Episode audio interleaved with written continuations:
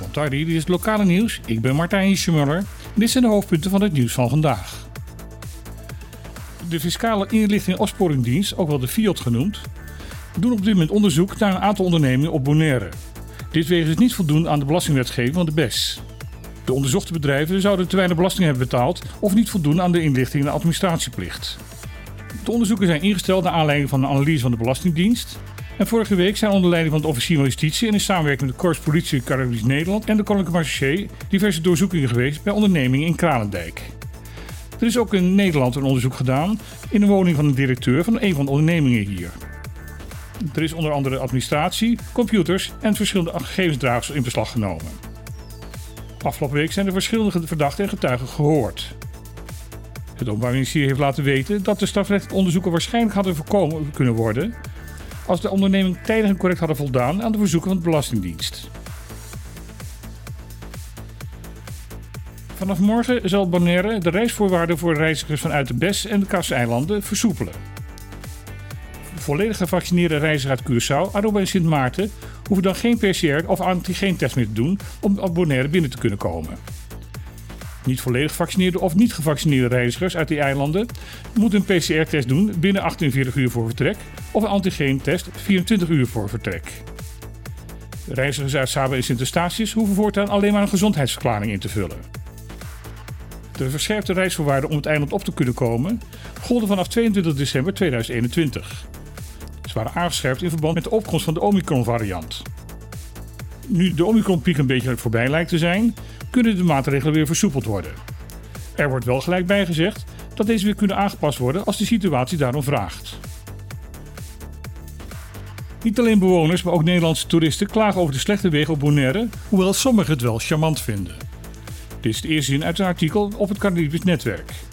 Toeristen die hier al vaker zijn geweest, weten dat zodra ze het vliegveld verlaten, ze moeten oppassen met hun huurauto of scooter. Sommige mensen zelfs die voorheen een scooter huurden, zijn nu overgegaan op een auto omdat ze dat veiliger vinden.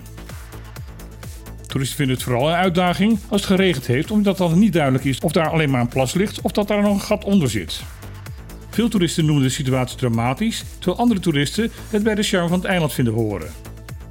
Het hele wegennet van Bonaire renoveren kost ongeveer 250 miljoen dollar en dat geld heeft Bonaire niet. Afvalwerker Bond kampt al enkele dagen met materiaalpech. Vuilnisauto's kunnen daardoor niet gaan rijden. Hierdoor wordt vuilnis in sommige weken later opgehaald of helemaal niet. Vandaag maakt het bedrijf bekend dat er tot extra laat doorgewerkt zal gaan worden om overal alsnog het vuilnis op te halen. Celibon raadt de bewoners van Bonaire aan om de Facebookpagina van het bedrijf te volgen voor verdere informatie. Een nieuw kabinet, een nieuw geluid. Dat zou je kunnen constateren na de vele uitspraken van de bewindslieden over hun ambities met Caribisch Nederland. De ministers Karin van Gennep en Caroline Schouten hebben vandaag in een brief aan de Tweede Kamer hun voorgenomen beleid voor Caribisch Nederland bekendgemaakt. In de brief zeggen de ministers dat het coalitieakkoord grote ambities uitspreekt ten opzichte van Caribisch Nederland. Vooral op de terreinen van werkgelegenheid en het aanpak van de armoede. Bij de laatste zeggen de ministers dat er in ieder geval een verhoging van de onderstand wordt aangekondigd. Verder zal volgens de ministers nadrukkelijk aandacht besteed gaan worden aan het akkoord van Kralendijk. Dit is het akkoord tussen de sociale partners, waarbij is afgesproken dat in de komende jaren de minimumloon steeds met stappen omhoog gebracht zal gaan worden. Volgens de ministers worden deze ambities op dit moment uitgewerkt in een gecoördineerd overleg tussen verschillende departementen. Ze beloven dat de Tweede Kamer hierover in de loop van het jaar zal worden geïnformeerd. Ze beloven ook dat in de zomer van dit jaar een wetsvoorstel zal komen voor de kinderopvang in de BES. Het doel is hiervan om de kosten van de kinderopvang in Caribisch Nederland structureel te verlagen. Dan tot slot nog de weersverwachting. De komende 24 uur zullen zich wolken blijven ontwikkelen boven onze eilanden. Dit kan leiden tot plaatselijke regenbuien. Daarnaast zal op zaterdag de wind iets harder gaan waaien, waardoor ook de golven op zee iets hoger zullen gaan worden. De temperaturen vandaag zullen maximaal 30 graden in de middag zijn en in de avond zal het terugzakken naar 25 graden. Dit was het laatste lokale nieuwsbulletin van deze week.